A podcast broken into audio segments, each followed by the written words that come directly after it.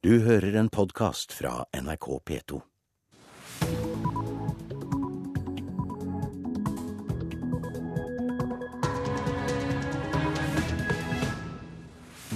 Det er blitt torsdag 10. mai, og klokka er halv sju. Takk for at du åpner dagen med Nyhetsmorgen. Øystein Heggen er i studio i dag med disse overskriftene. Regjeringen har lurt Stortinget og holdt kutt i uhjelp til utdanning skjult. Det mener tidligere SV-statsråd Helen Bjørnøy. Og Stortinget har sagt at vi vil ha satsing på utdanning innenfor bistand, og så har altså regjeringa de siste åra gjort akkurat det motsatte. Høyre og Frp stemmer mot når Stortinget vedtar en tredeling av foreldrepermisjonen i dag. Hun mistet datteren Stine Sofie i Baneheia. På datterens fødselsdag holder hun foredrag for førskoleansatte.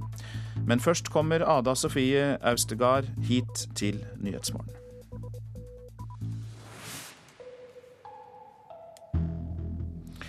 Regjeringen har lurt Stortinget og holdt kutt i uhjelp til utdanning skjult. Det mener Helen Bjørnøy, generalsekretær i Plan og tidligere rød-grønn statsråd. Hun peker på at den borgerlige regjeringen ga mer til utdanning av fattige for sju år siden enn det regjeringen gjør i dag. Jeg er jo veldig glad for at den borgerlige regjeringa ga mye penger, og jeg eh, Men er du skuffet over gamle venner? Du har jo selv sittet i den regjeringen. Ja, altså jeg er skuffa over at eh, utdanning ikke blir prioritert høyere. Pengene må nå klasserommene i u-land, mener Bjørnøy.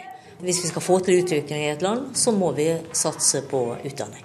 Helen Bjørnøy, som nå er generalsekretær i Plan Norge, anklager sin gamle regjering for bevisst å skjule kutt. Det å si at noen har ført bak lyset, det er ganske sterke ord i politikken. Ja, men det er, dette her er faktisk et veldig sterkt faktum. Og Stortinget har sagt at vi vil ha satsing på utdanning innenfor bistand. Og så har altså regjeringa de siste åra gjort akkurat det motsatte. I fjor ga den rød-grønne regjeringen 147 millioner kroner mindre til utdanning i fattige land enn det den borgerlige regjeringen gjorde i 2005. Beløpet er redusert både i andel og i kroner og øre. Så slik sett så er Stortinget ført bak lyset. Ja, Det syns jeg er urimelig. Unni Berge er politisk rådgiver i Utenriksdepartementet. Norge er en av verdens største bidragsytere på utdanning til bistand. Hvorfor gir den rød-grønne regjeringen i 2011 mindre penger til utdanning enn det den borgerlige regjeringen i 2005 gjorde? Altså Hvis du ser over flere år, så er utdanningsnivået vårt eh, stabilt. Og det er viktig, for det er en viktig sak. Og så vil bevilgningene variere noe fra år til år. Men er det noe mål om å øke satsingen på utdanning? Det er et mål om å nå målene våre, nemlig å nå jenter.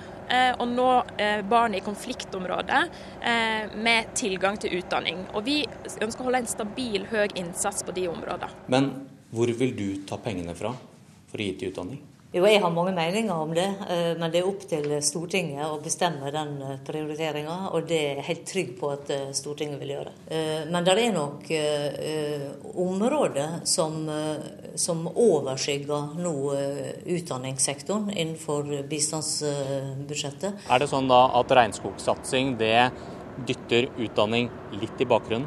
Nei, fordi at vi satser like mye på utdanning som før. Og vi satser på utdanning til de ungene som trenger det mest, nemlig jenter og barn i konfliktområdet. Reporter Bjørn Myklebust, debatt om dette etter klokka sju. Stortinget har gitt politiet fullmakt til aksjoner med narkotikahunder på norske skoler, uten at det er konkret mistanke til bestemte personer. Forslaget kommer fra fem stortingsrepresentanter i Høyre. Venstre vil trolig som eneste parti stemme mot forslaget, skriver Aftenposten. Høyre og Frp stemmer mot når Stortinget skal vedta en såkalt tredeling av foreldrepermisjonen i dag. Heretter må både mor og far ha tolv uker permisjon. Dersom disse kvotene ikke blir brukt på rett måte, så mister foreldrene disse permisjonsukene. FrPs Solveig Horne tror det vil føre til at mange småbarnsforeldre må si fra seg permisjonen. Det er først og fremst fordi at de fratar familien en valgfrihet og en fleksibilitet som småbarnsfamiliene trenger. Eh, og ikke minst rammer det òg barna, som eh, i enkelte tilfeller ikke får lov til å være hjemme eh, med foreldrene sine pga. det at den ene parten ikke får lov til å overta de ukene som, som de nå lager kvoter på. Tenker du at dette egentlig er en svekkelse da, av, av småbarnsforeldrerettighetene? Ja, altså Forskjellen på de rød-grønne og de borgerlige partiene, spesielt Høyre og Frp her, i denne saken, er jo at eh, de tenker på et eh, system eh, som de lager, istedenfor å tenke på at eh, de skal sette småbarnsfamiliene eller familiene sin valgfrihet og fleksibilitet i fokus. Og det er det som Fremskrittspartiet og Høyre vil gjøre, med at vi da ønsker å gi familiene sjøl valgfriheten tilbake. Reporter Håvard Grønli, og mer om foreldrepermisjonen og diskusjonen rundt det i Politisk kvarter, som er klokka 7.45. Det er funnet vrakrester fra det russiske flyet som forsvant sporløst i et fjellområde i Indonesia onsdag, opplyser redningstjenesten. Vrakrestene ble oppdaget av mannskaper om bord i et helikopter som deltok i søket, forteller kildene.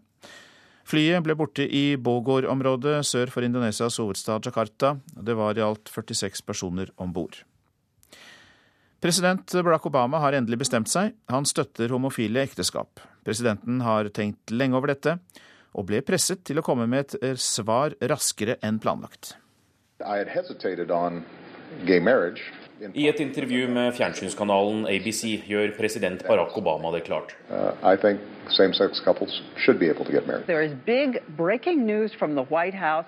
Spørsmålet splitter USA omtrent midt på. Og det er første gang en amerikansk president offentlig går ut og støtter homofile ekteskap. This is an historic political and cultural moment in this country. I've heard from numerous people that this was the result of a mistake. It wasn't planned. Det har vært en følsom balansegang for presidenten. Til nå har han støttet homofiles rettigheter, bortsett fra ekteskap. Obama har også gitt åpent homofile rett til å tjenestegjøre i Forsvaret og nå i valgkampen er en av seks av Obamas største givere åpent homofile. Avgjørelsen gleder Obamas politiske base, bortsett fra svarte velgere. Religiøse ledere og konservative aktivister mener presidenten tar en stor politisk sjanse i et spørsmål som deler landet. Også uavhengige velgere kan finne det vanskeligere å gi sin støtte til Obama nå.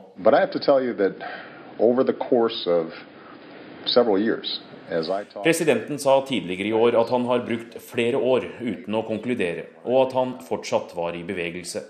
Han la til at det amerikanske folk før valget i november skulle få vite hva han mener om ekteskap mellom like kjønn.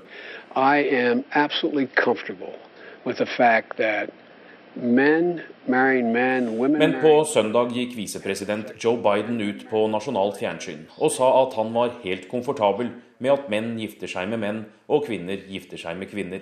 Frankly, uh, De påfølgende dagene har mediene grillet Det hvite hus, og spørsmålet om hva presidenten mener, har overskygget økonomiske og utenrikspolitiske saker. People, you know, the, the Selv om president Barack Obama nå har kommet ut med sin mening, understreker han at den er personlig. Obama mener fortsatt det må være opp til delstatene å bestemme om de vil vie homofile ektepar. Så langt kan homofile gifte seg i seks delstater her i USA. 28 delstater har lagt ned forbud gjennom folkeavstemninger, og fikk for bare to dager siden Nord-Carolina med seg på nei-lista. Anders Tvegård, Washington. Her i Nyhetsmorgen skal vi titte på avisenes forsider. Oljefondet får kritikk fra menneskerettighetsorganisasjoner i Klassekampen. Fondet er medeier i et selskap som frakter fanger til det omstridte Guantánamo-fengselet på Cuba. Umulig å innfri klimaforliket i tide, er Aftenpostens oppslag. Regjeringen har ikke gjort jobben sin, sier Høyres miljøpolitiske talsmann Nikolai Astrup. Fyllefraværet blir angrepet av Hanne Bjurstrøm i Vårt Land. Arbeidsministeren vil gå foran med et godt eksempel, og kutter nå eget alkoholforbruk. Vi må tørre å si at årsaken til vårt eh, relativt høye sykefravær i stor grad kan tilbakeføres til alkohol, sier Bjurstrøm. Gir opp Arbeiderpartiet, skriver Stavanger Aftenblad om Dagfinn Høybråten. Den tidligere KrF-lederen går nå bort fra tanken om et mulig samarbeid med Arbeiderpartiet, og mener KrF må satse på regjeringsskifte. All kommunal drift kan bli butikk for private, skriver Nordlys. Byrådet i Tromsø ønsker fullmakt til innføring av konkurranseutsetting. Fagforbundets Bjørn Willumsen mener det legges opp til klassekrig, og at offentlig ansatte angripes både på lønn, pensjon og arbeidsplass. Staten tilbyr bøndene 100 millioner mindre enn i fjor, skriver Nasjonen. Skuffelsen er stor, sier leder Nils T. Bjørke i Bondelaget. Jarle Andhøy håner norske myndigheter har ikke noe imot en rettssak, står det å lese i Dagbladet. Andhøy mener at myndighetene i Norge og New Zealand har vært veldig flinke til å kaste skylden over på Andhøy etter ulykken med hans første seilas med berserk til Antarktis. Gymlærer Tore Bakker er på forsiden av Dagsavisen. Han eh, ser at barna blir i dårligere form. Bakker har hvert år siden 1975 arrangert løpestafett for Oslo-elever. Kjell Inge Røkke stevnes av ekskonas ekssamboer, kan vi lese i Dagens Næringsliv. Kravet er på 1,7 millioner kroner, og er ifølge Røkkes advokat et underlig forsøk på pengeutpressing. De fleste boliger blir omsatt i mai, skriver VG, som forteller om et kokende boligmarked.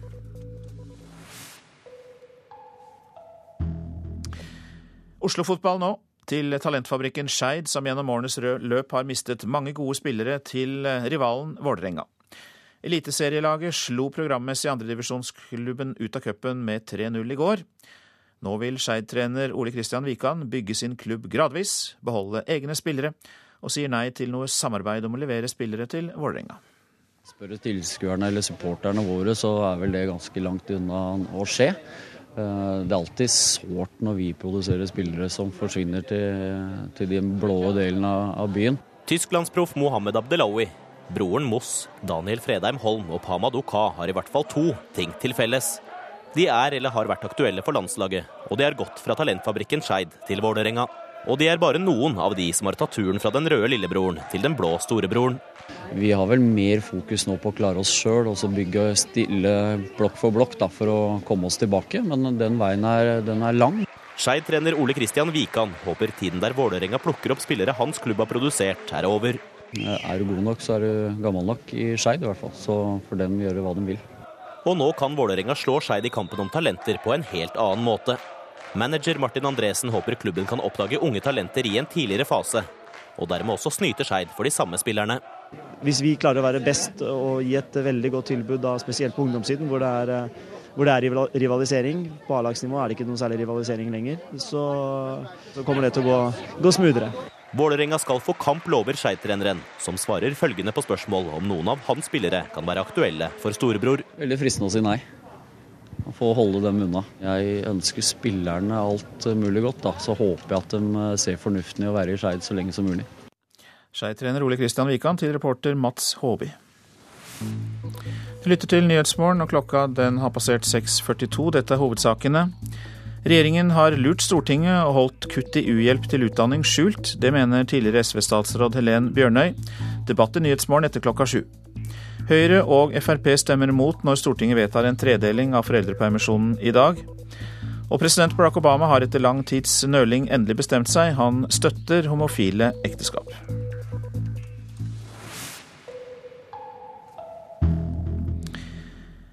I dag ville Stine Sofie Austegard fylt 20 år om hun hadde levd. Drapet på henne og venninnen sjokkerte hele Norge for tolv år siden.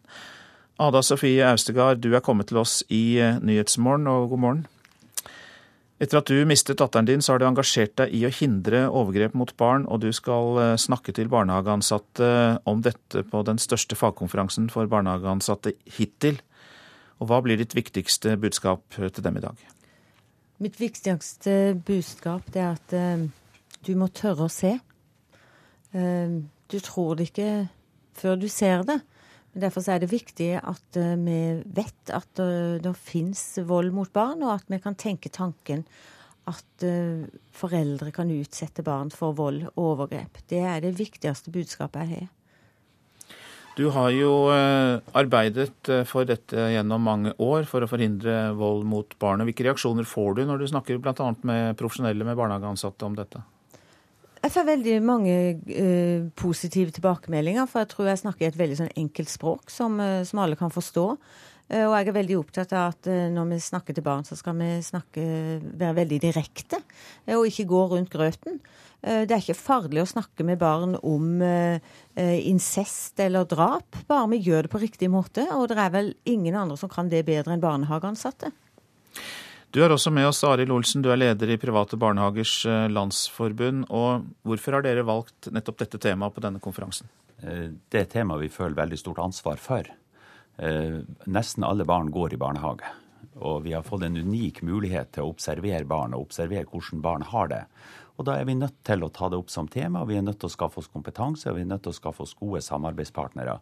Og det er det vi har gjort gjennom det samarbeidet vi har med Stine Sofie Stiftelsen. og og, og, for å få opp dette temaet, og for å sørge for at barnehagene har den kompetansen som skal til til å starte de prosessene som vi må ha rundt dette. Nå viser det seg jo at en lav andel av de bekymringsmeldingene som kommer til barnevernet, kommer fra barnehageansatte. og Det burde jo ikke være slik. Hvorfor er det slik? Eh, det er veldig sammensatt. Eh, det går nok litt på kompetanse, så går det på samarbeid mellom de forskjellige organene. Og så er det kanskje også en eh, helt viktig sak å spørre hvem er det egentlig man skal snakke med. Det her er saken, så har vi snakka om det at det ikke er sikkert engang at det er barnevernet som er instansen. Her er det ulovlig handling. Det er kanskje til politiet man skal snakke med. Så her er man nødt til å gå gjennom hele, hele alle rutinene man har i denne saken.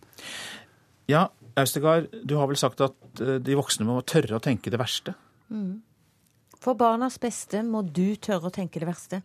Vi har Kristoffer-saken sterkt i minne. Uh, Stine Sofies stiftelse jobba intenst for å få den saken opp for domstolen. Og uh, det er vel det beste eksempelet på at uh, voksne rundt et barn ikke tørte å tenke det verste. og sånn Det unner ingen andre å oppleve og skal gå videre med. Det gjenger mange voksne der ute som så Kristoffer, som snakka med Kristoffer, men som ikke gjorde noen ting. Eh, dette må vi forhindre. Og så må vi òg få en kulturendring. Eh, det må ikke være sånn at om barnehageansatte eller helsepersonell da mistenker at eh, et barn er utsatt for vold eller overgrep, så blir det sånn hysterisk anfall fra foreldre. Jeg skjønner at dette her er en forferdelig belastning, men samtidig så må vi snu, og så må vi tenke så flott at det er personer der ute som bryr seg om mitt barn. Og alle kan ta feil. Det kan helsepersonell, det kan barnehageansatte, det kan politi. Alle kan ta feil. Men med den rettssikkerheten som en mistenkt har i dag, så skal det veldig mye til på at du blir domfelt hvis du ikke har gjort noe. Men et barn kan reddes, og det er det som er viktigst. Du har engasjert deg gjennom alle disse årene. Hvordan er det for deg å snakke om dette akkurat i dag? I dag er absolutt den riktige dagen. Jeg kom til Oslo i går kveld. Derfor måtte jeg sette ned 20 roser på grava til Stine i går. Eh, jeg hadde et problem med om jeg skulle velge rød, siden hun var blitt 20 år nå. Men jeg endte på rosa. Hun er fortsatt åtte år for meg. Men eh, det er veldig riktig av meg, og viktig for meg, å gjøre noe så positivt som å snakke til barnehageansatte eh, om denne, denne problematikken i dag. Hjertelig takk for at du kom til Nyhetsmorgen, Ada Sofie Austegard. Og til deg, Arild Olsen, som da er leder i Private barnehagers landsforbund. Takk skal dere ha. Takk.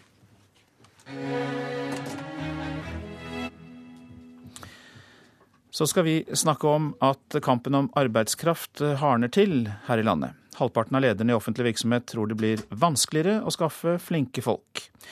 Det viser en undersøkelse fra Vox, som er Nasjonalt kompetansesenter. Avdelingsdirektør Seni Kristine Diamakos, Di, Dimakos heter hun, sier det er påfallende mange ledere som varsler akademikermanko. Det vi synes er overraskende, er at det er så mye som halvparten av norske ledere som sier at de tror det blir vanskelig å skaffe kvalifisert arbeidskraft de neste to årene. Det syns jeg er et høyt tall. Det offentlige må på frieferd til flinkisene. Halvparten av lederne i statlige og kommunale bedrifter svarer at det blir vanskelig eller veldig vanskelig å få tak i folk, og nesten alle sier kampen står om å få tak i folk med lange utdanninger. Offentlig sektor de eh, tror at det blir mye vanskeligere å skaffe eh, høyt utdannede enn det det har vært de siste årene. Det sier avdelingsdirektør Seni Kristine Dimakos i Vox nasjonalt kunnskapssenter. Jeg vet ikke riktig om det er så veldig overraskende, fordi at uh, altså, dette er noe man leser om stadig vekk. Det er en virkelighet samfunnsøkonom Alexander Møll i Oslo kjenner seg igjen i. For vel to år siden skiftet han jobb fra offentlig til privat. Fra Ullevål sykehus til rådgiverjobb i Oslo Economics. Først og fremst er det det at nå jobber jeg i en mindre organisasjon. Det er en flatere struktur. Uh, færre ledd man må forholde seg til, sånn at man uh, må få en større innflytelse og, og mer ansvar da, for de arbeidsoppgavene som skal utføres. da. Stat og kommuner må både bedre lønningene og arbeidsforholdene for akademikere hvis de skal få tak i de beste hodene, sier leder Anders Folkestad i Unio. Dette er jo enda et uh, dømme på at uh, offentlig sektor står i fare for å tape konkurranse om uh, kompetanse. Og dette er en risiko først og fremst for kvaliteten på de tjenester offentlig sektor skal tilby folk. 1000 ledere er spurt om de har nok folk frem til i dag, og dessuten om de tror de får tak i nok folk til driften fremover. Ja, og eh, det var da 70 av eh, de som mente at det har vært vanskelig å rekruttere, som sier at de har hatt problemer de siste årene. Eh, mens det da er 95% som mener de vil få problemer de neste to årene. I private bedrifter sier en av tre ledere at det blir en tøff kamp om de flinkeste hodene, men at det også blir manko på fagarbeidere sier Seni Kristine Dimakos i Vox. Og Det er også der en ganske stor økning, eh, hvis man sammenligner eh, de siste to årene med de neste to årene. Reportasjen var laget av Hedvig Bjørgum, Johan Settem og Halvard Norum. Helsefagarbeidere i Rogaland utdannes til arbeidsledighet, det mener Fagforbundet. Solbjørg Byberg i Eigersund ble nummer seks i verdensmesterskapet for helsefagarbeidere i fjor. Nå sitter hun hjemme uten jobb halve uka. Nei, det har jeg ikke. Jeg jobber 53% i, på Lundåene i Egersund kommune. Og eh, du ble altså nummer seks i verdensmesterskapet for helsefagarbeidere. Eh, hadde du trodd at Egersund kommune hadde en full stilling til deg med det resultatet? Jeg håpte jo det. Det var jo det som var drømmen, drømmen min, at jeg skulle få det. Men det er visst litt vanskelig i Egersund kommune og rundt forbi i Norge å få 100% Og det vinnende lag i 2012 er Egersund kommune. Hvert år arrangeres det mesterskap for helsefaglærlinger for å få flere til å ta utdanningen. For andre år på rad var det Eigersund som i forrige uke vant fylkesmesterskapet og skal til norgesmesterskapet. Men det finnes omtrent ikke stillinger å oppdrive. Fylkesseksjonsleder i Fagforbundet Toril W. Sandanger sier at sånn situasjonen er i kommunene nå, er utdanningen nærmest en vits. Et problem som Fagforbundet tar særdeles alvorlig, fordi vi ser at de unge ofte utdanner seg til arbeidsledighet en ønsker jo at alle skal bete seg til 100 stilling. I 2030 vil det være bruk for 50 000 helsefagarbeidere i Norge for å ta unna eldrebølga. I Stavanger kommune var det i fjor 22 lærlinger i faget. Kun åtte av de har fått full stilling, viser tall fra Stavanger kommune. Det gjør at mange velger vekk helsefaget, sier Sandanger. De unge har veldig mye å velge i, og da ser en jo det at det er ikke så lett å få de til å velge helsearbeiderfaget når de ikke kan få en lønn å leve med at de ikke får en 100 %-stilling. På landsbasis var det i fjor 1309 helsefaglærlinger. Seks av de var fra Eigersund. Av disse seks er det ingen som har fått hel stilling. Kommunalsjef for levekår i Eigersund, Kåre Ingvar Helland, sier det er mulig å lappe sammen større stillinger, men da må en jobbe mest i helgene.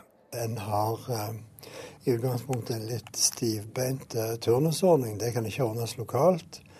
Og eh, hvis en er villig til å gå på tvers av avdelinger eller gjerne to forskjellige arbeidsplasser, så kunne veldig mange fått større uh, stillinger i utgangspunktet. Mer helgejobbing vil òg uh, eh, hjelpe på, men uh, det kan en av forståelige grunner forstå at ikke arbeidstakerne er så veldig interessert i. Med å ikke kunne tilby hele stillinger, så stiller vi nok ikke forrest i kø når det gjelder hvor ungdommen vil utdanne seg til. For Solbjørg Byberg og de andre nyutdanna helsefagarbeiderne dukker et annet problem opp i og med at de ikke får 100% stilling. De får ikke lån i banken.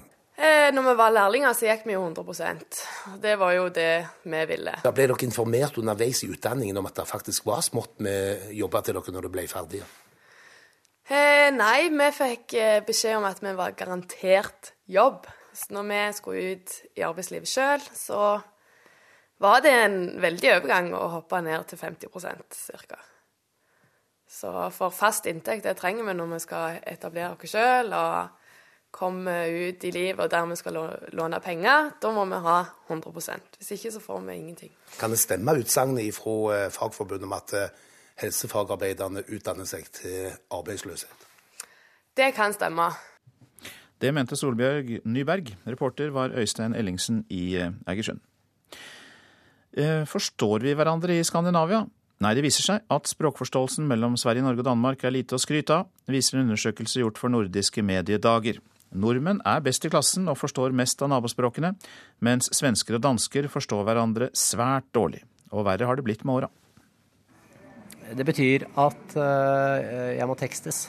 Og det betyr at jeg må bytte ut en del ord i mitt språk. Jeg gjør et TV-program som skal fungere uh, for to publikum, ett norsk og ett svensk. Og da må jeg finne en slags middelvei.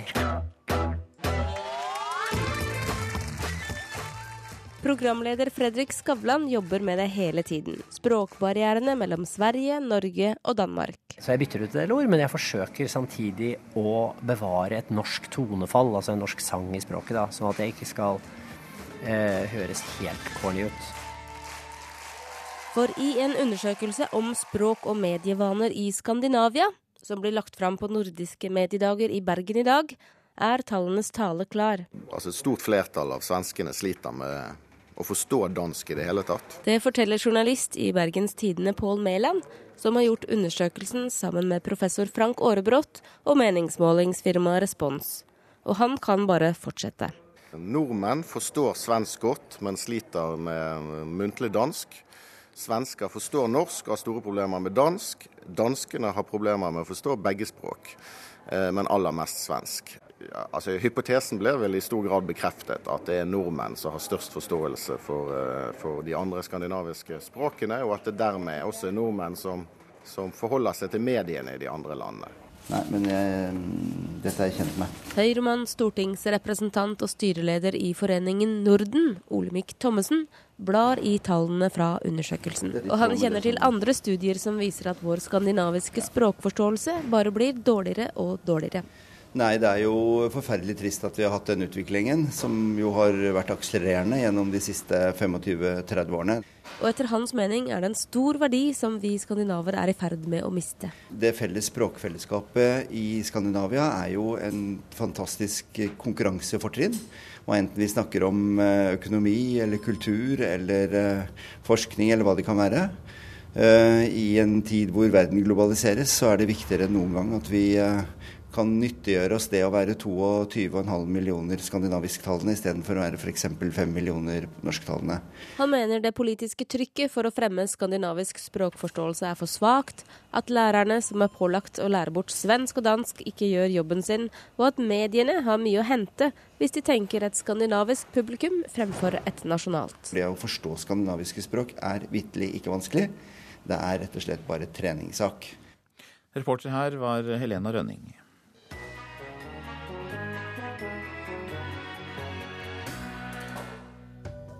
Det kan best sammenlignes med en rotfylling, sier noen skuespillere om å spille inn sexscener. Uansett hvor dampende hett det kan se ut som på film. Dagens skuespillere skulle bare visst hvor hardt man måtte kjempe før i tida for bare å få lov til å kysse mens kameraet rulla. I Radioselskapet klokka 11 får du høre om filmsexens historie. Det er tid for været. Fjellet i Sør-Norge i dag. Regn og slød. Snø over 1200-1500 meter. Østland og Telemark oppholdsvær. Fra i ettermiddag regn. Agder får opp i liten nordøstlig kuling på kysten. Regn og regnbyger der.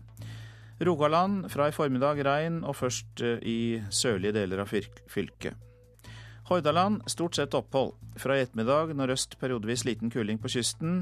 Litt eh, regn blir det i ettermiddag. Først kommer det regnværet i sørlige deler av fylket. Sogn og Fjordane sørvest liten kuling nær Stad. Fra i formiddag eh, minker til skiftende bris og eh, oppholdsvær. Fra i kveld eh, nordøst opp i liten kuling på kysten og litt regn sør i Sogn og Fjordane. Møre og Romsdal og Trøndelag sørvest liten kuling på kysten, sterk kuling i sør. I ettermiddag minker det til frisk bris. Litt regn i Nord-Trøndelag, ellers stort sett opphold. Nordland, der blir det regnbyger, snø over 600-700 meter. Mest nedbør i sør. Fra i ettermiddag stort sett oppholdsvær. Troms, først på dagen oppholdsvær i Indre Troms. Ellers enkelte regnbyger. Snø over 400-500 meter. Finnmark, liten kuling på kysten. Først i vest. Enkelte regnbyger, hovedsakelig på kysten. Og på vidda til dels pent vær. Spitsbergen sørøstlig liten kuling utsatte steder. Litt snø av og til på kysten i vest, ellers opphold og litt sol på Spitsbergen. Temperaturer målt klokka fem. Svalbard lufthavn minus fire. Kirkenes pluss fire. Vardø og Alta begge pluss fem. Tromsø-Langnes fire. Bodø sju. Brønnøysund, Trondheim og Molde alle tre med seks grader. Bergen-Flesland fem. Stavanger fire. Kristiansand-Kjevik 5, Gardermoen 7 grader. Lillehammer 4, Og så er Røros nede i minusgrader, riktignok bare minus 1. Oslo-Blindern hadde pluss 9 grader klokka fem i natt. Du hører en podkast fra NRK P2.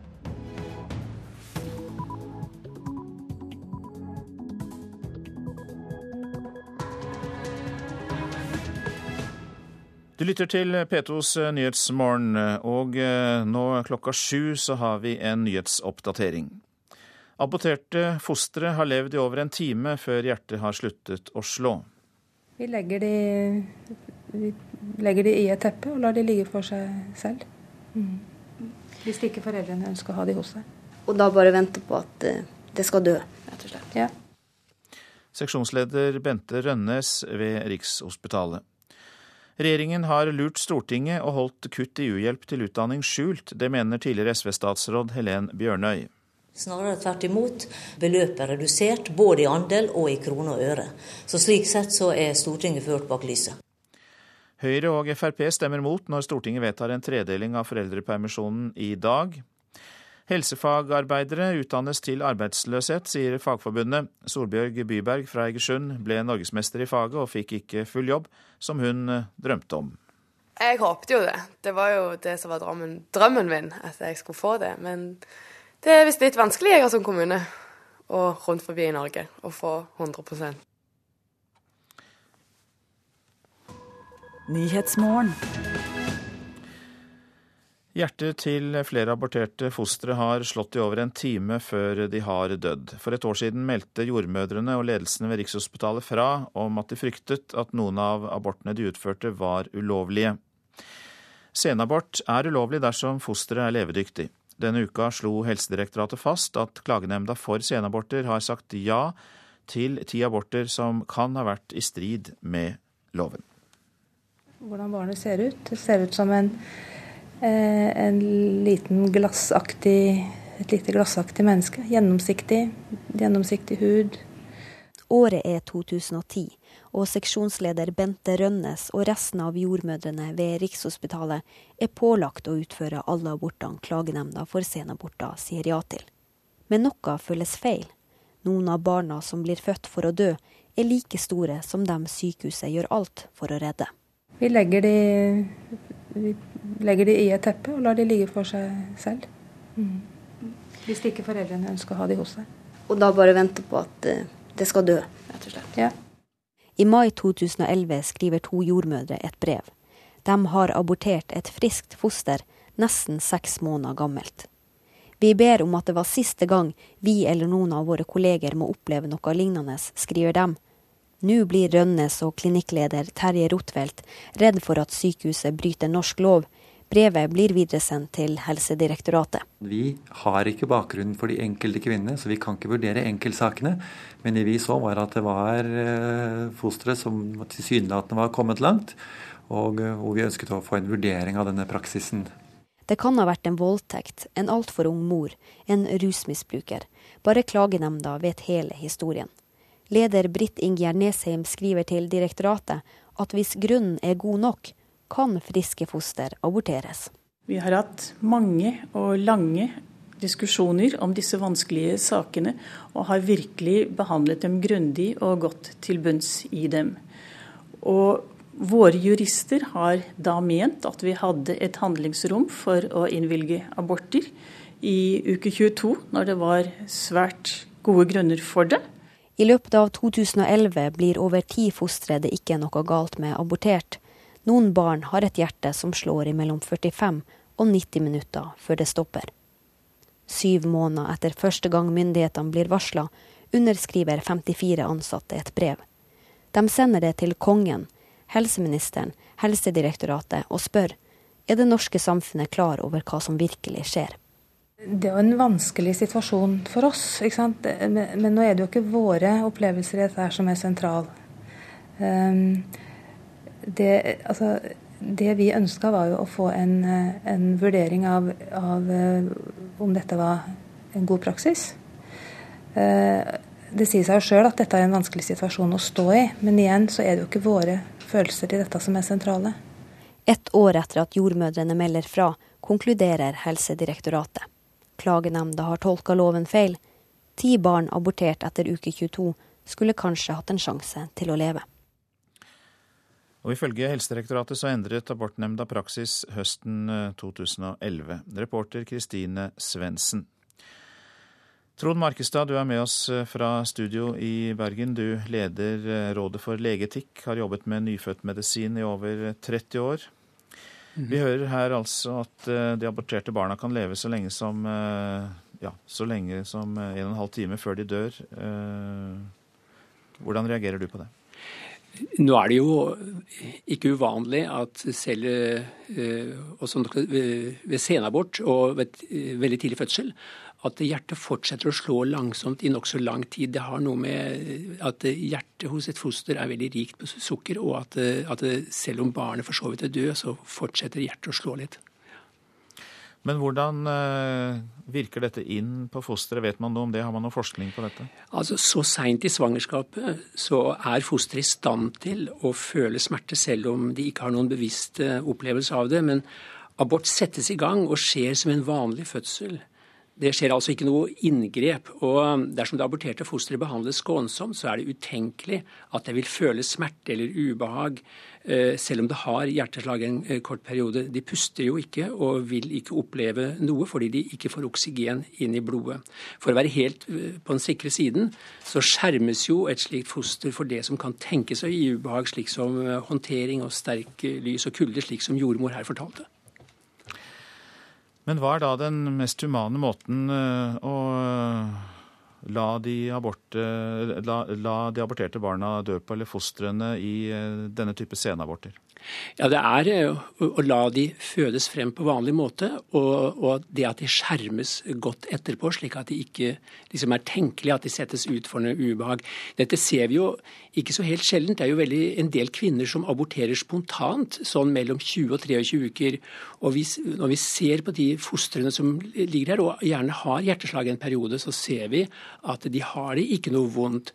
Eh, vi skal sette dem på spissen, så er det i eh, Norge i dag vanlig å starte aktiv behandling med tanke på livredning ved 24 uker, og av og til på 23 uker. Men på 23 uker så er det også De fleste barna vil jo ikke øh, skal vi si, gis livreddende behandling. og det er klart, Vi som er nyfødtleger, vi opplever det også som et veldig eh, stort dilemma det å starte en behandling som da fører til veldig mye plager for disse barna i uker og måneder og kanskje år. slik at det, det er et, dette er et vanskelig, vanskelig dilemma etisk sett. Men avslutningsvis, hva syns du om at praksisen praksis nå er blitt eh, endret, slik vi hørte i denne saken? Ja, Jeg tror det er veldig viktig og veldig kjærkomment. Eh, dette, når et barn eller et foster er vurdert som å være levedyktig, det har jo endret seg. Og vi sier at det er mulig i dag fra 23 uker, og da er det ubehagelig. Og det er ikke noe særlig kjekt å, å sette grensen helt opp mot det. Mange takk skal du ha, Trond Markestad, som altså er leder i Rådet for legeetikk og var med oss fra Bergen. Nå skal vi eh, snakke om eh, renta, og vi får vite om Norges Bank i dag har tenkt å gjøre noe med den eh, rekordlave renta som vi har. De fleste tror at den blir holdt lav, og samtidig er det et hett boligmarked. Så sjeføkonom Harald Magnus Andreassen, du er i sjeføkonom i Svedbank First Securities. Ja, i hvilken grad styres boligmarkedet av denne renta som vi snakker om så ofte? Ja, Det er ingen tvil om at det lave rentenivået er en viktig årsak til at boligprisene i Norge har steget mye. Og vi har erfaring fra tidligere. Når renten blir satt opp, så påvirker det boligmarkedet ganske raskt. Vi kan jo ikke se Norge isolert, det har vi jo nå lært oss når vi snakker med dere økonomer. Vi er i en globalisert verden. Men la oss likevel tenke den tanken, da. Hvilket rentenivå tror du vi ville hatt hvis vi bare fikk bestemme sjøl? Ja, det var et godt spørsmål. Jeg, mine modeller gir vel en rente på iallfall en 3% og kanskje litt over det også. Vi har en lav arbeidsledighet, og veksten i økonomien er bra. Inflasjonen er lav, og det trekker renten ned, men ikke så langt ned som vi har i dag. Og Hvilke fordeler ville det da vært eh, fortsatt isolert sett i Norge hvis vi hadde holdt en noe høyere rente? Ja, Vi ville f.eks. hatt en lavere vekst i boligprisene, og på lang sikt tror jeg det ville vært bra for vårt land og folk. Men slik er det altså ikke. Vi lever i en globalisert verden. og Hva tror du skjer i dag med renta? Ingen verdens ting. Eh, det kom et overraskende rentekutt i mars. Eh, og jeg tror ikke Norges Bank kommer til å overraske en gang til med å kutte. Eh, tvert imot, jeg tror at banken kommer til å berede grunnen for, iallfall når den kommer til juni, for at renten skal opp igjen, kanskje allerede i løpet av annet halvår. Ok, Så det kan da bli en liten stigning? Ja, fordi at verden samlet sett ikke går så svakt som Norges Bank var bekymret for for noen uker siden. Og så dette med boligprisene. Fortsetter de bare å øke og øke og øke? Ja, Det ser jo slik ut nå. Har de steget ganske mye i mange år. Vi hadde en liten nedtur i forbindelse med finanskrisen, men norske boligpriser har steget mye. og svært mye når vi sammenligner hva som skjer nå i de fleste andre land. Nå er vår økonomi god, og det er gode fundamentale grunner til at vi har høyere boligpriser hos oss nå enn i andre land. Men det vi vet av historien, er at når priser har steget mye, så har det normalt skjedd noe annet etterpå. Og det langsiktige trenden for boligpriser er ikke slik vi har det i Norge nå de siste årene. Nei vel? Nei, det er at prisene stiger ikke, særlig utover inflasjon på lang sikt. Av og til stiger det, og deretter faller det. Dette har vi erfaringer fra i Norge og fra svært mange andre land. Og det er knyttet til hvor mye lån vi får i bankene, og hvilken pris det er på de lånene vi får tatt opp. Men inntil videre er stigning fortsatt i, boligprisen? Jeg, jeg kan nok gå sikkert måneder og kvartaler til, men dette fortsetter ikke i år til. Mange takk for at du kom til Nyhetsmorgen, Harald Magnus Andreassen fra Swedbank First eh, Securities.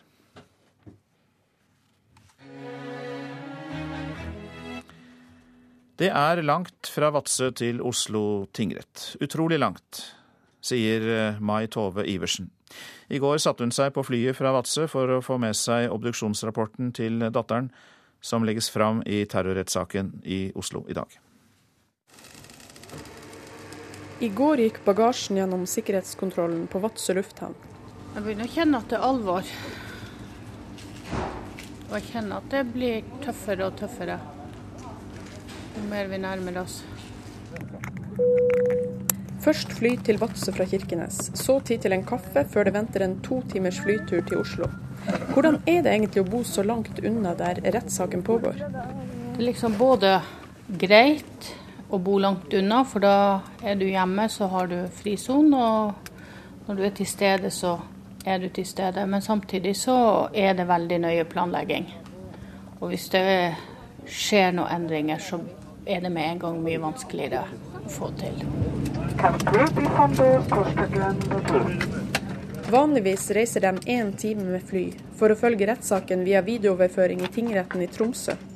Men Maitove og ektemannen Svein Sogovara bestemte seg tidlig for at de ville til Oslo når obduksjonsrapporten for dattera skulle legges frem.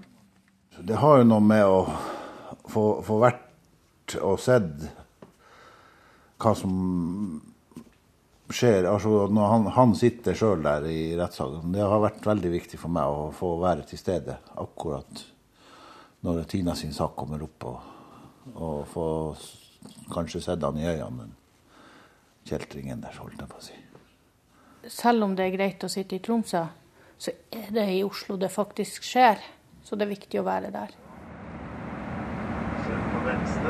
Hun klarer å sovne under den lange turen til Oslo, mens han leser siste nytt fra rettssaken, og får tid til å kjenne på klumpen i magen. Jeg kjenner jo en klump i magen. Men den har nå vært der siden 22. juli. Den, den sitter nå ennå der. Siden rettssaken starta, har de to allerede vært på reisefot i ti dager. Tirsdag kom en ny utgave av bevisoppgaven, som gjør at de må stokke om på reiseplanene. 25. mai, det var egentlig satt opp 4. juni. Så da blir det endra. 4. juni hadde vi andre planer. Nå er det bevisoppgaven som styrer hverdagen, men de to ser frem til andre tider. Det vi håper på når rettssaken er over, det er jo at vi skal få livet vårt tilbake få kontroll i eget liv. Reporter var Eva Marie Strand. Du lytter til eh, Nyhetsmorgen. Dette er hovedsakene i dag. Aborterte fostre har levd i over en time før hjertet har sluttet å slå. Regelendring er foretatt når det gjelder eh, senaborter. Regjeringen har lurt Stortinget og holdt kutt i uhjelp til utdanning skjult. Det mener tidligere SV-statsråd Helen Bjørnøy. Og de flyr distansen Oslo-Roma, som vi hørte, for å få med seg datterens obduksjonsrapport. Vil gjerne se gjerningsmannen i terrorsaken i øynene. I dag er det parlamentsvalg i Algerie. Mens den arabiske våren gikk sin seiersgang fra land til land i Nord-Afrika, ble folkets revolusjon satt på vent der. Presidenten i landet oppfordret til stor valgdeltagelse, men velgerne i Algerie ser ut til å være preget av apati.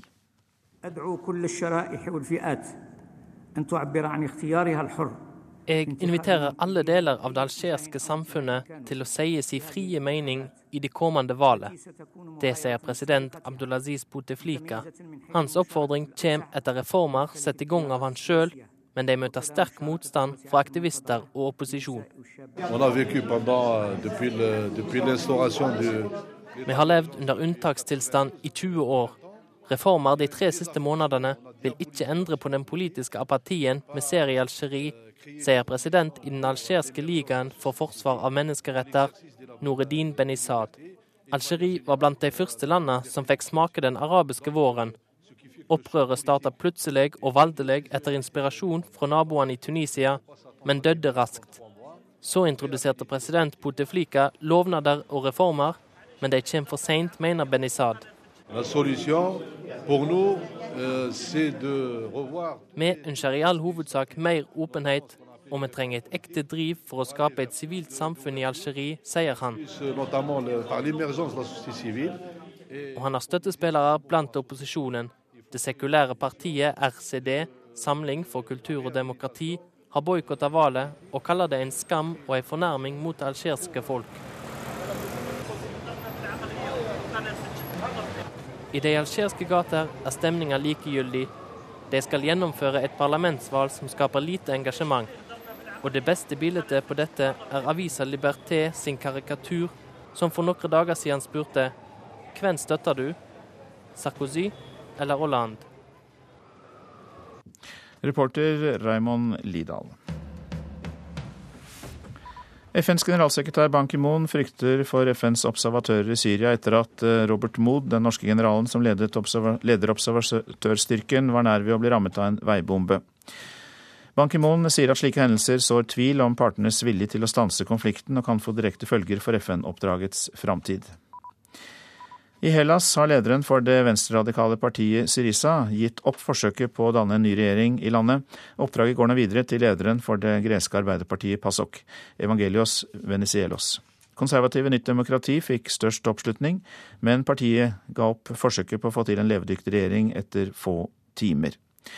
Den kaotiske politiske situasjonen vil trolig føre til at det kan bli nyvalg i Hellas i juni.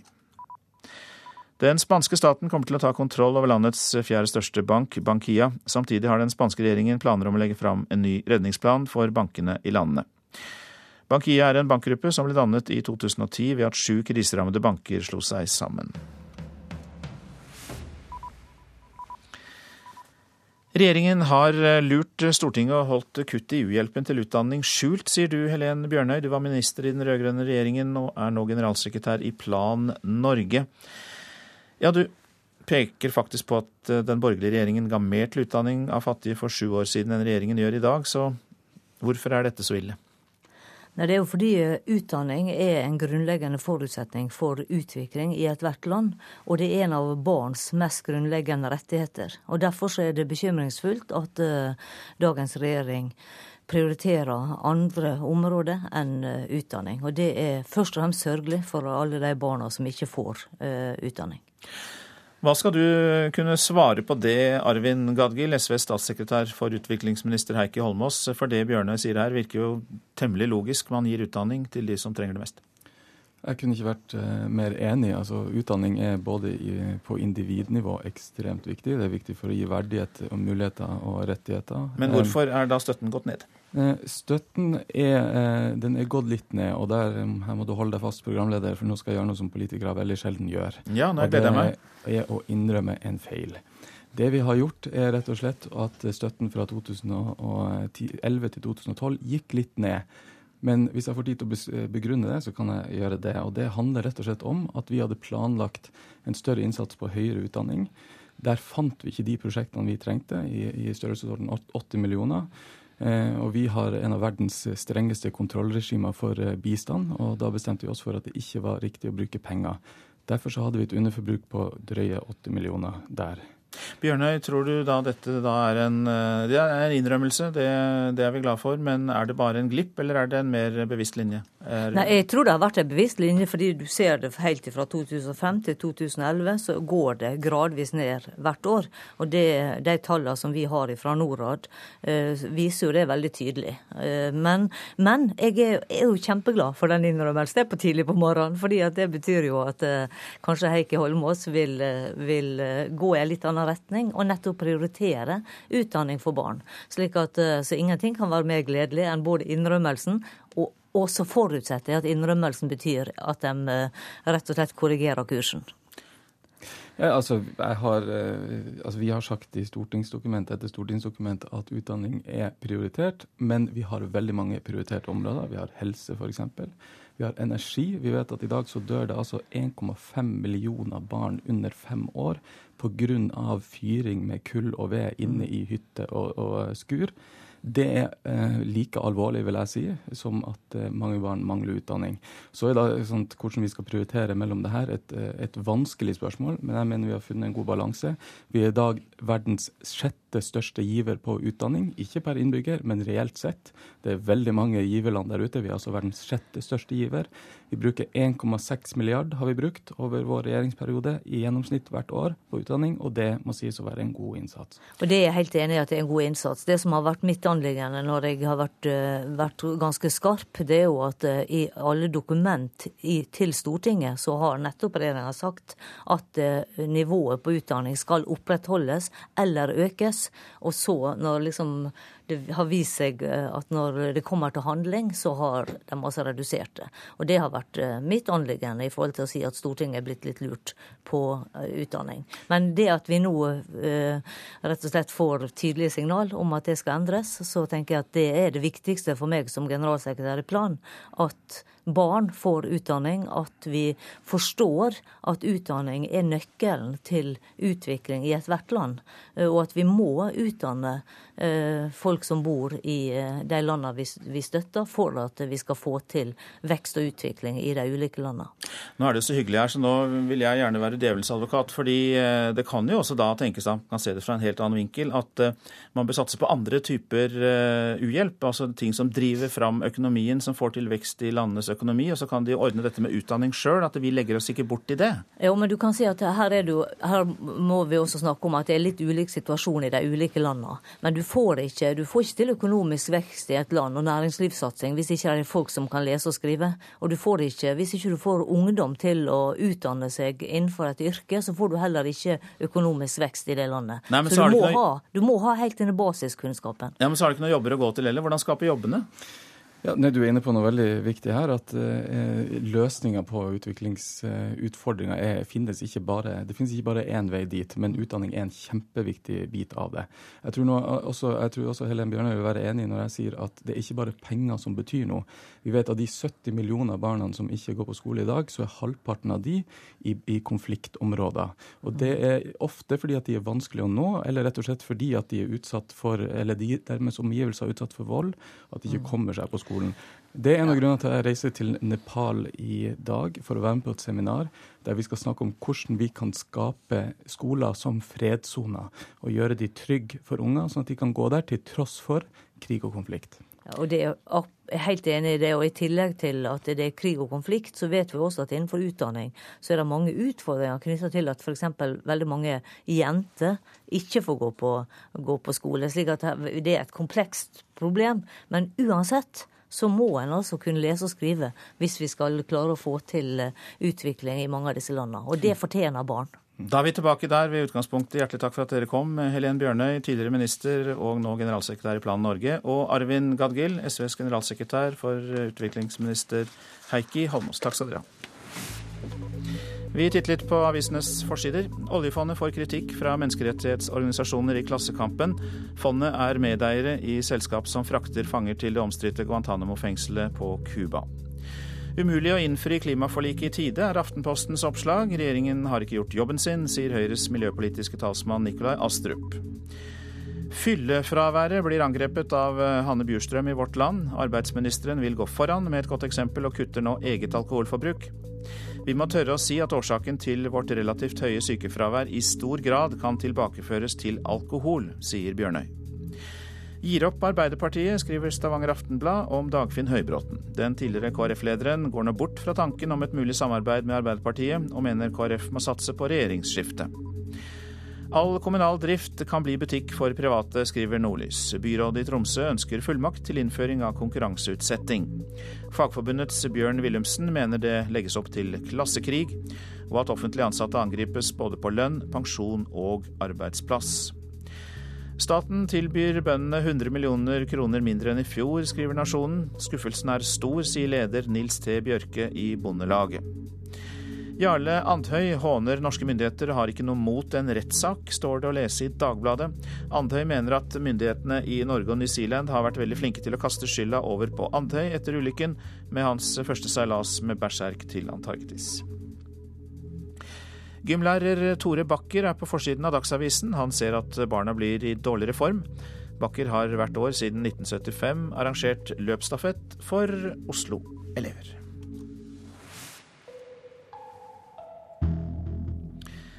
Humorist, forfatter og journalist Arthur Arntzen fyller 75 år i dag. Det feires stort i Tromsø i kveld. Humor er livsviktig, mener Arntzen. 22 bøker og en rekke manuskript har det blitt, og for noen år siden la han eh, skinnlua og rollen som Oluf på hylla, riktignok.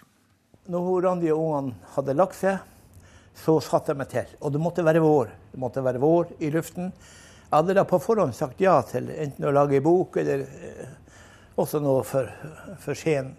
Og så begynte jeg å tenke. Jeg kunne legge papiret foran meg, blanke ark. Morgenen kunne komme, arket var like blankt. Og nok en natt er arket like blankt, men så skjer det et eller annet som ikke jeg har, har noen forklaring på. Det er liksom at en stemme i meg, ikke Oluf og ikke Arthur, men, men ikke en stemme som gjør meg redd men som gjør at jeg skriver. Har nok med å skrive jo på ett av fire ark, to av fire ark, før jeg nærmest kommer til meg sjøl igjen. Og min gode avdøde venn Håkon Karlsen sa en gang til meg Arthur sa det som kommer fram da, det rører du ikke. Ikke la pappskallen Arthur røre det der. For det er ikke du som taler. Det var en kar som hadde vært uheldig. Han hadde, han hadde revet seg en annen kar. Og fått han sydd på igjen, og han hadde virka som han skulle. Så det var kanskje det man skulle forsøke.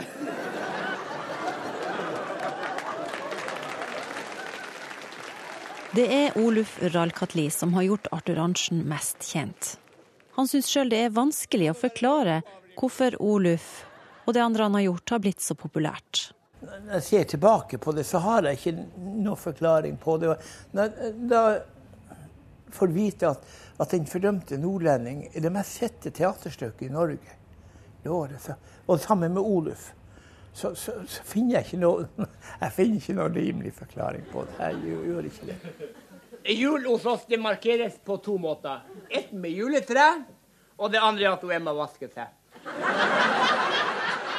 Forfatteren har hele tida vært klar på at man ikke må blande de to personene, selv om det til tider har vært vanskelig. Ingen fikk meg som Arthur å opptre som Oluf. Aldri i livet. Og husk nå Oluf-buksa ligger i en glassmonter på Revymuseet på Høylandet. Men aldri, aldri om noen fikk meg til å, som Arthur å opptre som Oluf. Og det fikk jeg for meg ganske tidlig. Arthur lager jo manuskript til Oluf, enten det er sketsj eller noe teaterstykke. Men når Oluf kommer i gang på scenen, så foretar han improvisasjoner som Arthur etterpå må tenke. Arthur, har du vært innom disse tankene under forberedelsen, ikke sant? Men ofte blir jeg svarløs. Jeg har ikke det. Så gamlingen tar altså styringen. På gammelmåten, I en trebalje. Vil jo Emma vasker seg i to. Og står med én fot i hver balje. Reportere var Tom Søbstad og Turi Enoksen. Du lytter til Nyhetsmorgen på NRK P2 etter Dagsnytt om Libya, der de forbereder seg på å holde sitt første frie valg siden Muammar Gaddafis fall. Politisk kvarter byr på debatt om hvordan foreldrepermisjonen skal fordeles. Produsent for Nyhetsmorgen, Øsker Tufan. Her i studio, Øystein Heggen.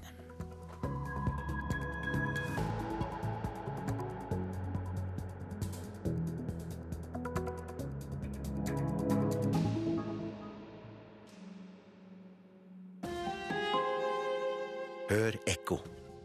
Cellegift er en enormt tøff behandling, men bare én av tre kreftpasienter får hjelp av den.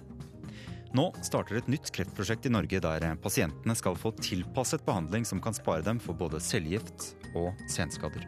Ekko 9 11 i NRK P2. Senaborterte fostre har levd i over en time etter inngrepet. Regjeringen bryter løfter om å satse på utdanning for fattige. Det mener tidligere SV-statsråd. Og hard kamp om arbeidskraft i det offentlige.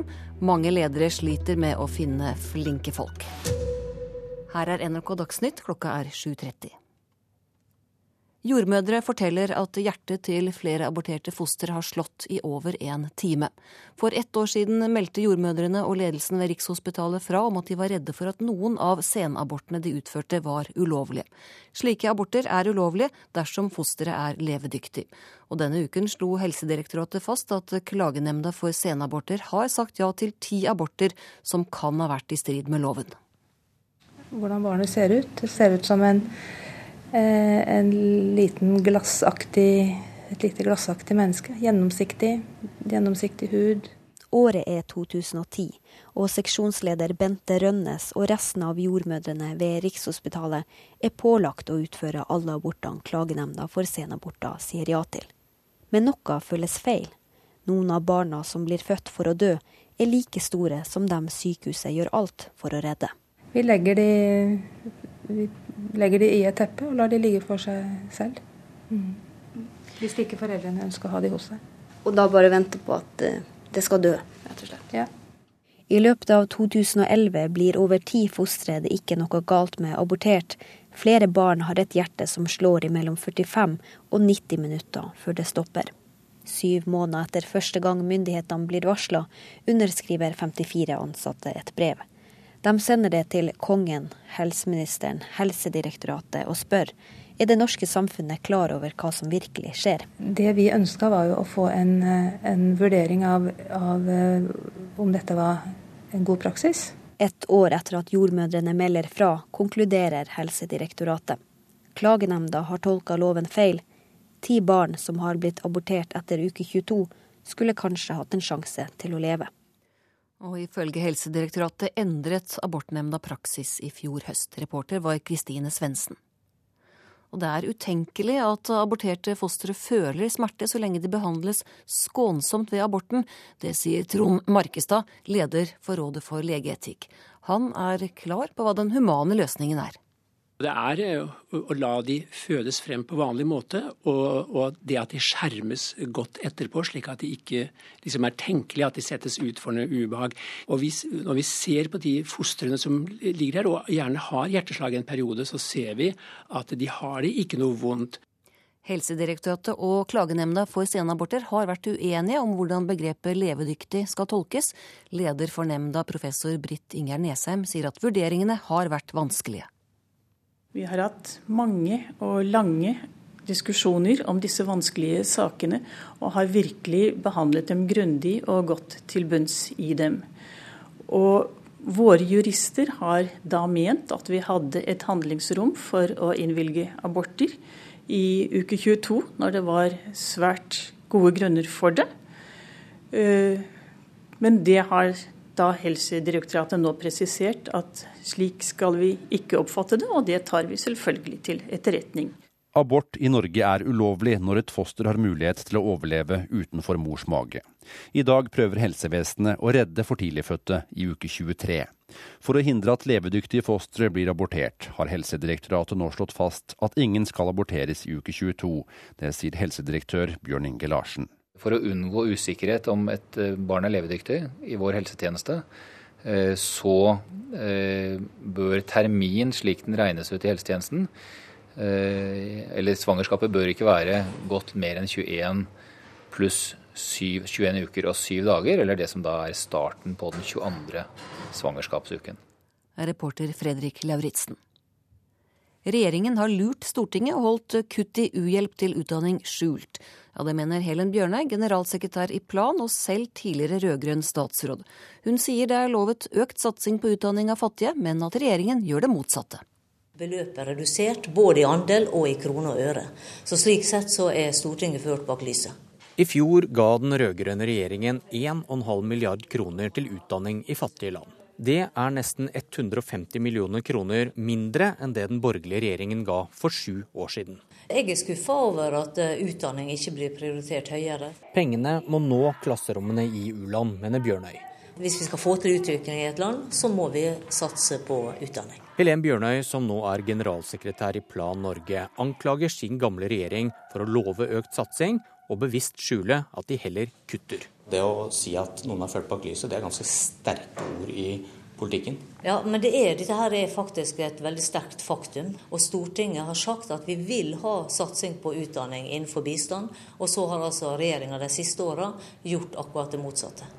Ja, Det syns jeg er urimelig. Unni Berge er politisk rådgiver i Utenriksdepartementet. Norge er en av verdens største bidragsytere på utdanning til bistand. Hvorfor gir den rød-grønne regjeringen i 2011 mindre penger til utdanning enn det den borgerlige regjeringen i 2005 gjorde. Altså Hvis du ser over flere år, så er utdanningsnivået vårt eh, stabilt. Og det er viktig, for det er en viktig sak. Og så vil bevilgningene variere noe fra år til år. Reporter Bjørn Myklenbust. Kampen om arbeidskraften blir hardere. Halvparten av lederne i det offentlige tror det blir tøffere å skaffe flinke folk. Det viser en undersøkelse fra Vox, Nasjonalt kompetansesenter. Direktør Seni Kristine Dimako sier at kampen om ansatte med lang utdanning blir tøffere. Det er så mye som halvparten av norske ledere som sier at de tror det blir vanskelig å skaffe kvalifisert arbeidskraft de neste to årene. Det offentlige må på frieferd til flinkisene. Halvparten av lederne i statlige og kommunale bedrifter svarer at det blir vanskelig eller veldig vanskelig å få tak i folk, og nesten alle sier kampen står om å få tak i folk med lange utdanninger. Det sier avdelingsdirektør Seni Kristine Dimakos i Vox nasjonalt kunnskapssenter.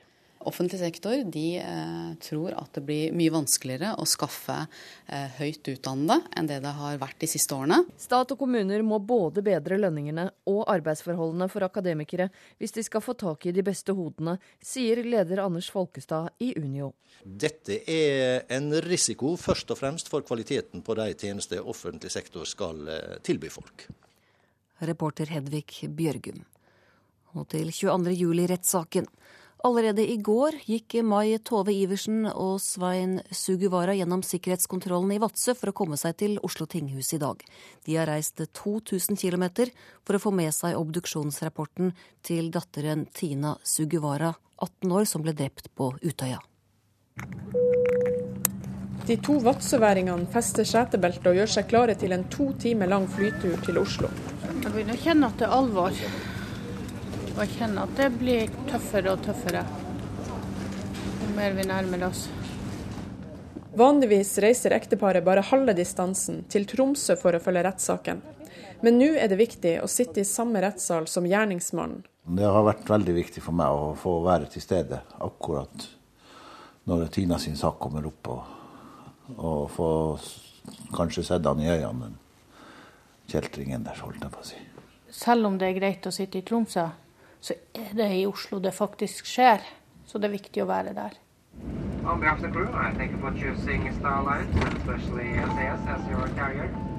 Siden rettssaken starta, har de to allerede vært på reisefot i ti dager. Tirsdag kom en ny utgave av bevisoppgaven, som gjør at de må stokke om på reiseplanene. 25. mai, det var egentlig satt opp 4. juni. Så da blir det endra. Fra 4.6 hadde vi andre planer. Nå er det bevisoppgaven som styrer hverdagen. Ekteparet fra Vadsø ser frem til andre tider. Det vi håper på når rettssaken er over, det er jo at vi skal få livet vårt tilbake. Få kontroll i eget liv. Reporter Eva Marie Strand. Fotball. Trener Tom Fredri Aune tar ansvaret for Fredrikstads svake sesongstart. I går røk eliteserielaget ut etter å ha tapt for andredivisjonslaget Kvikk Halden.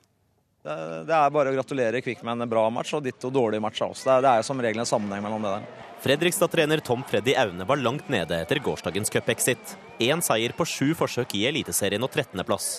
Ble fulgt opp med tap for Kvikkhalden etter straffesparkkonkurranse. Det er altfor dårlig, uansett hvordan du renger på det. Om dem var gode og dem gjør det, så er det altfor dårlig av Fredrikstad fotballklubb. Tariq Elionossi kunne ikke annet enn å si unnskyld til supporterne. Det er jo trist, så, så ja. Vi, vi, vi må bare beklage overfor det. Det samme gjør treneren. Det er jo jeg som er hovedtrener, så det, det er, til syvende og sist er det mitt ansvar, og det ansvaret må jeg ta. Det, det er bare å beklage at vi ikke klarer å prestere bedre, men eh, det er det nivået vi er på nå, dessverre. Reporter Mats Håby. Ansvarlig for sendingen Arild Svalbjørg, teknisk ansvarlig Hanne Lunås, i studio Anne Skårseth. Libya forbereder seg på sine første frie valg siden Muammar Gaddafis fall. Gaddafi regjerte landet i over 40 år før han ble styrtet i en borgerkrig der opp mot 30 000 mennesker ble drept. Ingen steder symboliserer kampen mot Gaddafi-styrkene bedre enn byen Misrata, rundt 20 mil vest for hovedstaden.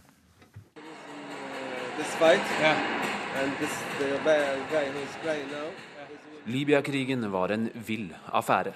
Kampene gikk fra hus til hus og når de sloss i åpent landskap, endret frontlinjene seg raskt. På TV-skjermen foran meg hopper unge menn rundt hjørner, hamrer løs med sin kalasjnikov, før de stuper tilbake i skjul, mens kulene hviner rundt ørene på dem. De fleste klarer seg, men det ligger friskt blod i en av gangene, og en mann kommer hylende og må tas hånd om av sine kamerater. Han har akkurat mistet sin bror. Denne gangen slåss de om et skolebygg.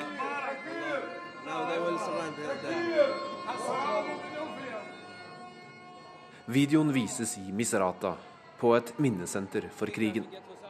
For hver gang jeg er her, i Libyas tredje største by, vokser samlingen. Utenfor bygget ligger nå en ubrukt Scud-rakett, en krasjet cabincruiser som Gaddafi-styrkene brukte til å landsette soldater bak opprørernes linjer. Den berømte neven som knuser et jagerfly som pleide å stå utenfor Gaddafis hovedkvarter i Tripoli, og en stor ørn som en gang voktet over hovedkvarteret til hans sønn Khamis 32. brigade i Yarmouk. En gruppe mennesker, inkludert flere små barn, ser på videoene av kampene.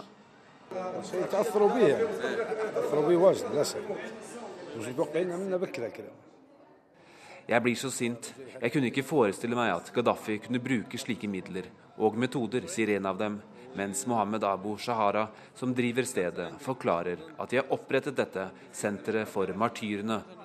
De vil vise fram våpnene som Gaddafi brukte mot sivile.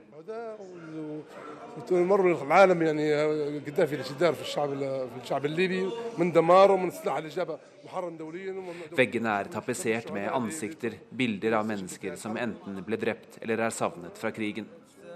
Han har også en del av Gaddafis eiendeler på utstilling, en kalasjnikov i sølv, skinnlua med ørelappene, en T-skjorte og en stol den tidligere diktatoren brukte.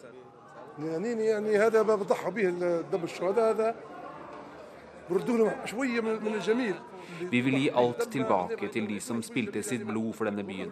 Vi er alle frivillige her, som hører til i gata. Selv er jeg butikkeier, forklarer han. Minnesenteret ligger i Tripoligaten, hovedferdselsåren inn til byen. Utenfor står fortsatt utbombede bygg og i stykker skutte vegger. Det var her frontlinjen sto da Gaddafi-styrkene beleiret Misrata i flere måneder. Byen klarte å stå imot, med en blanding av heltemot, krigsvilje og etter hvert hjelp fra utsiden via sjøveien. Shahara har også noen av våpnene opprørerne brukte. Improviserte hjemmelagde granatkastere og et periskop de teipet sammen for å kikke rundt hjørner uten å utsette seg for snikskytterild. Misrata er i dag en av de mektigste byene i det nye Libya, og minnesenteret er et symbol på byens makt. Krigen er både historie og mytologi allerede. Blant Scud-raketter, krasjede cabincruiser og kalasjnikover i sølv er hverdagen langt unna, og Misrata-borgere og andre libyere kan la seg frakte tilbake til krigens dager. Den gangen de hadde en felles fiende ved navn Muammar Gaddafi. Det sa Midtøsten-korrespondent Sigurd Falkenberg Mikkelsen. Han rapporterte altså fra Misrata i Libya. Du lytter til Nyhetsmorgen. Vi har disse hovedsakene. Jordmødre rapporterte om fostre som levde i over en time før de døde. Regelendring er gjennomført når det gjelder praksisen ved senaborter. Regjeringen har lurt Stortinget og holdt kutt i uhjelpen til utdanning skjult. Det mener tidligere SV-statsråd Helen Bjørnøy.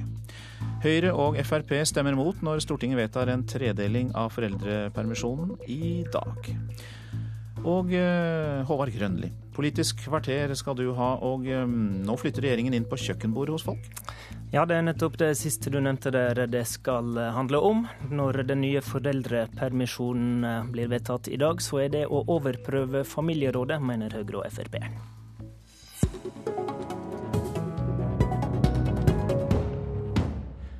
Mot opposisjonsstemmer vedtar altså Stortinget i dag såkalt tredeling av foreldrepermisjonen. Det første året skal far ha tolv uker av permisjonen, mor skal ha tolv uker. Resten av perioden er til fri fordeling. Et av målene er å få far til å være enda mer hjemme, for fortsatt er det nok slik at mor er den primære omsorgspersonen første året. Jeg tar ut ja, alt utenom fedrekvoten, og så tar far ut sine tolv uker. Hva var avgjørende for at ikke han tok ut mer? Det vet jeg faktisk ikke. Jeg hadde tolv måneder, og så hadde han eh, to måneder av sin på sommeren. Det var vel litt med den jobben vi var i. Vi jobba begge to i eh, restaurantbransjen, så da ble det litt at vi var nødt til å ta den som kjente mest, og litt sånne ting òg. For den som skulle være hjemme og ikke. Min kone hun fått de første ti månedene. Etterpå da jeg fikk det bare, Eller jeg skal få det snart. I juni. Mora må være med barn de bare trenger å amme. Det er mye forskjell. De trenger mer mor enn far. Hvem synes dere skal bestemme hvordan man fordeler foreldrepermisjon? Jeg synes det skal være opp til ja, mor og far. Oss. ja, det er vi som må bestemme det selv. Fordi det er dem som vet hvordan hverdagen sin er, og da syns jeg det bør være opp til dem å få lov til å bestemme hvordan de vil ha det. Det var reporter Veronica Westrin som hadde møtt eh, forskjellige foreldre. Barne- og likestillingsminister Inga Marte Thorkildsen, hva håper du å oppnå med den eh, lovendringa som kommer i dag? Et mer eh, likestilt foreldreskap er ett av måla. Men eh, først og fremst så håper jeg at vi oppnår at flere barn får muligheten til å bli godt kjent med begge foreldrene sine. For det er først og fremst det som er målet. At pappaer i like stor grad som eh, mammaer skal se at de er viktige omsorgspersoner for sine barn. Og det er det vi har oppnådd også, for det har vært en revolusjon de siste åra, det som har skjedd. Fra 93, da vi innførte fedrekvoten, hvor det var 900 norske fedre som tok ut permisjon, eh, tilsvarende 2-3% og til i dag hvor 45 000 norske fedre tar ut permisjon og er sammen med ungene sine og det tilsvarer ja, ca. 90 Allerede i dag så er det jo tolv uker fedrekvote. Og den praktiske forskjellen nå er at mors tolv uker blir lovfesta. Er ikke denne såkalte tredelinga egentlig en ganske puslete likestillingspolitikk, da? Nei, det er det absolutt ikke. For det vi ser, er at resultatet av at fedre i større grad kommer på banen og har lyst til å være sammen med ungene sine og ta ansvar, det er at eh, samlivet i familiene blir mye bedre. Vi har sett på den forskninga vi har nå av um, hva som er konsekvensen av en likere deling i familiene. Både av omsorgsoppgaver og husarbeid og andre ting.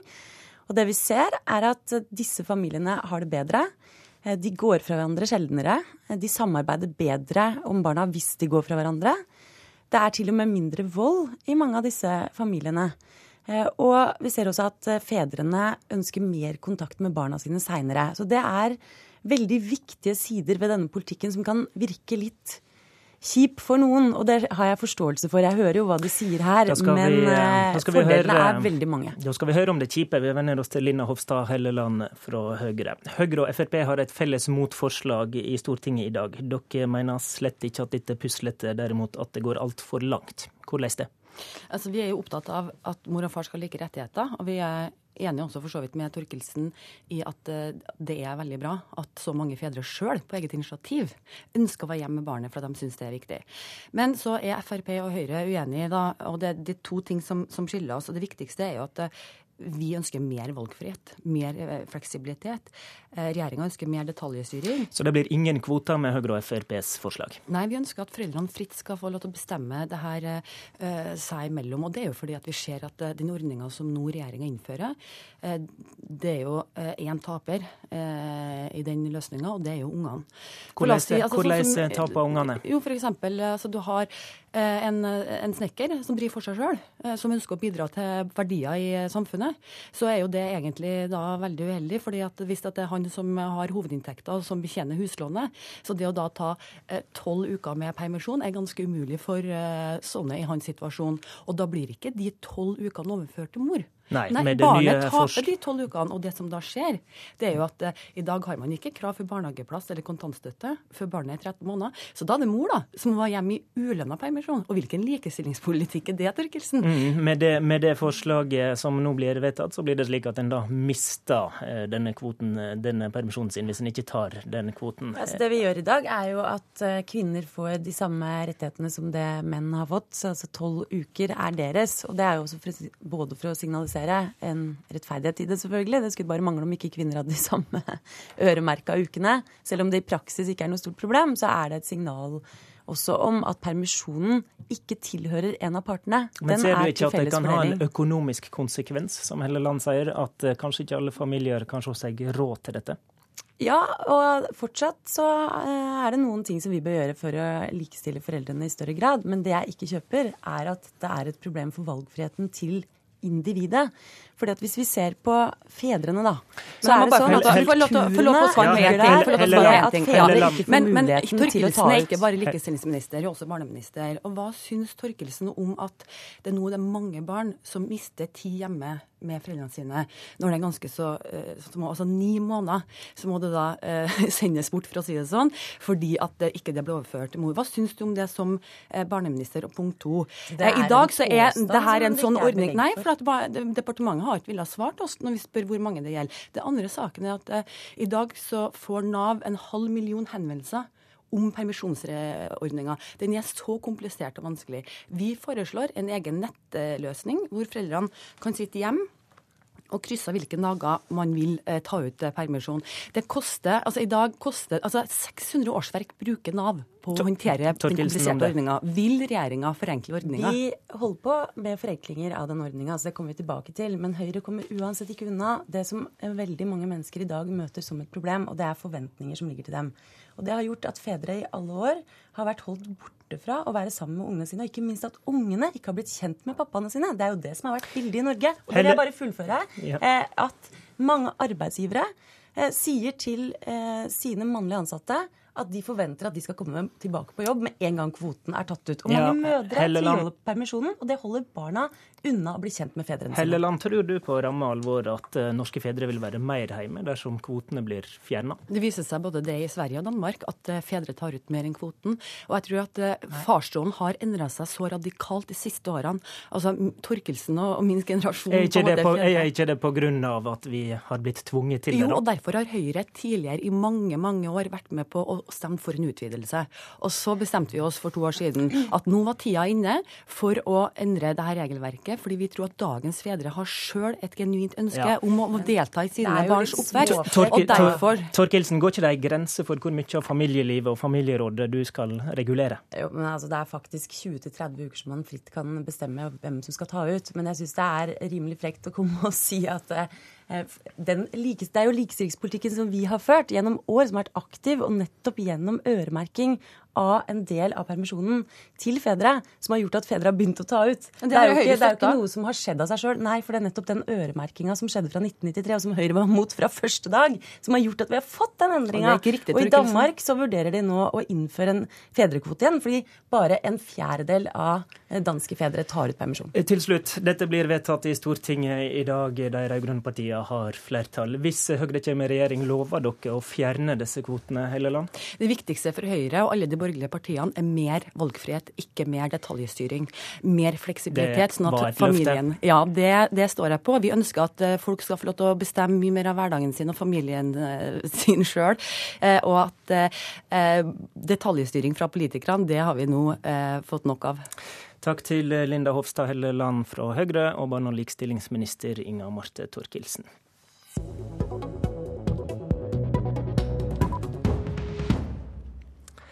Tidligere i Dagsnytt og Nyhetsmorgen har du hørt eh, detaljene om flere av de eh, abortene som Abortklagenemnda har godkjent. Flere av disse eh, aborterte barna eh, som har vært tatt sent i svangerskapet, har hatt hjerteslag i over én time før de har dødd, har vi fortalt i dag. KrF-politiker Laila Dovøy, god morgen. God morgen. Hva slags konsekvenser mener du denne saka bør få for Abortklagenemnda? Ja, jeg mener at når det er så klart uh, sagt at abortloven her er brutt uh, i disse tilfellene, i ti tilfeller, så mener jeg at det bør få den konsekvens at abortnemnda går av. Det dreier seg altså om uh, barn som kan ha vært levedyktige, og som rett og slett er lagt til side for å dø. Og hva med barnets rettsvern? Og da mener du altså at de personene som sitter i nemnda må gå, ikke fjerne nemnda som sådan? Jeg mener at eh, de som har sittet og brutt loven, og at vi her snakker om kanskje at noen av disse barna har vært levedyktige, og så har de ikke fått mulighet til livreddende behandling, så mener jeg at nemnda bør gå av, ja. Hvorfor er dette en så alvorlig sak, slik du ser det? Det er fordi at vi snakker her om eh, senaborter. Eh, og i abortloven så er den ganske klar. består der at hvis et barn er levedyktig, også gitt intensiv behandling, så er det altså ikke lov å ta abort. Der er det barnets rett som hele tiden skal være i fokus. Hvordan reagerer du på disse fortellingene om eh, ja, hjertet som har eh, slått i nærmere en time? Nei, det er, det er forferdelig å høre. Og jeg må si at jeg er dypt takknemlig og takker helsepersonellet, jordmødre og de legene som her har slått alarm så lenge som for et år siden. Nå understreker da lederen for abortklagenemnda til VG Nett at eh, Helsedirektoratet hele tida har vært informert om deres praksis. Er det ikke da andre som ikke har eh, gjort jobben sin, og heller bør vurdere stillinga si? Ja, nå leser jeg i dag i en avis at Helsedirektoratet sier de egentlig ikke har kjent til slike enkelttilfeller. Men hvis det er riktig, så er jo denne saken enda mer alvorlig. Hva slags konsekvenser bør det få? Helseministeren må i alle fall ikke bare ta dette til etterretning. Hun er nødt til å finne ut hva som har skjedd, eh, hvem som har brutt loven. Og, hvis Helsedirektoratet i tillegg, eh, som har vært sekretariat for nemnda, faktisk har vært kjent med det og godkjent det, ja, er saken meget alvorlig. Og helseministeren er den som er ansvarlig og må rydde opp. Takk til KrF-politiker Laila Dovøy.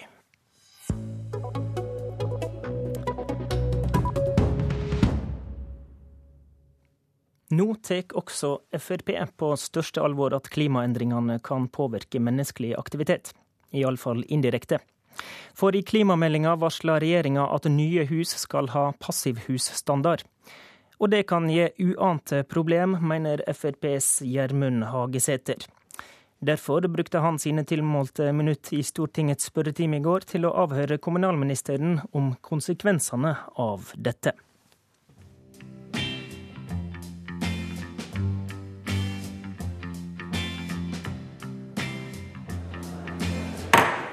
Stortingets møte er lovlig satt. Ærede president. Nå er det jo slik at dette med eh, passivhus, da, så skal det altså, de skal være tilnærmet hermetisk lukka. Man skal heller ikke kunne ha vinduene åpne. Eh, nå er det altså det at det er mange rundt omkring i eh, Norge eh, som ønsker å sove med vinduet åpent på, på, soverommet. Det kan jo skje mange, mye aktivitet her som tilsier at det kan være fornuftig med litt frisk luft. Og da er spørsmålet, Mener statsråden at det ikke skal være lov å ha vinduet åpent på soverommet i framtiden? Statsråd Navarsete. President, uten å kommentere eh, aktivitetene Helseeffektene av passivhus er et av områdene som er tydelig spesifisert i klimameldingen. Poenget er bare det at det er ikke forbud mot å ha vinduer som kan åpnes. Nei, men hva er poenget med passivhus? Nei, men det var, det, var hvis du får lov å ha vinduet åpent. Får du roa ned nervene nå? Altså, Fortsatt så er jo mitt hovedargument eh, og innsigelse mot dette her at dette gjør det mye dyrere å bygge. Bra med sexlivet for Frp-ene nå. Ja ja, det får vi tro. Det gjør det alltid. Det er lov å åpne vinduet òg i passivhus. Det viktige der er at det er tjukkere vinduer, det er tjukkere vegger, det er et ventilasjonssystem, og vi sparer enormt med energi på å gå over til passivhus. Og det er viktig òg for å spare klimaet og miljøet vårt. Så det blir ikke for klamt å ha sex i fremtiden? Vi skal nok sikre at det både blir sengekos og annen kos òg i fremtiden. Det iallfall ikke passivhuset som vil hindre det. Ja, det sa Liv Signe Navarsete, og om ikke annet så brakte iallfall Politisk kvarter deg en krystallklar lovnad om at det fortsatt er lov å åpne vinduet her i landet. Og den fikk du takka være vår granskende reporter Lars Nehru Sand og programleder Håvard Grønli. Du har hørt en podkast fra NRK P2.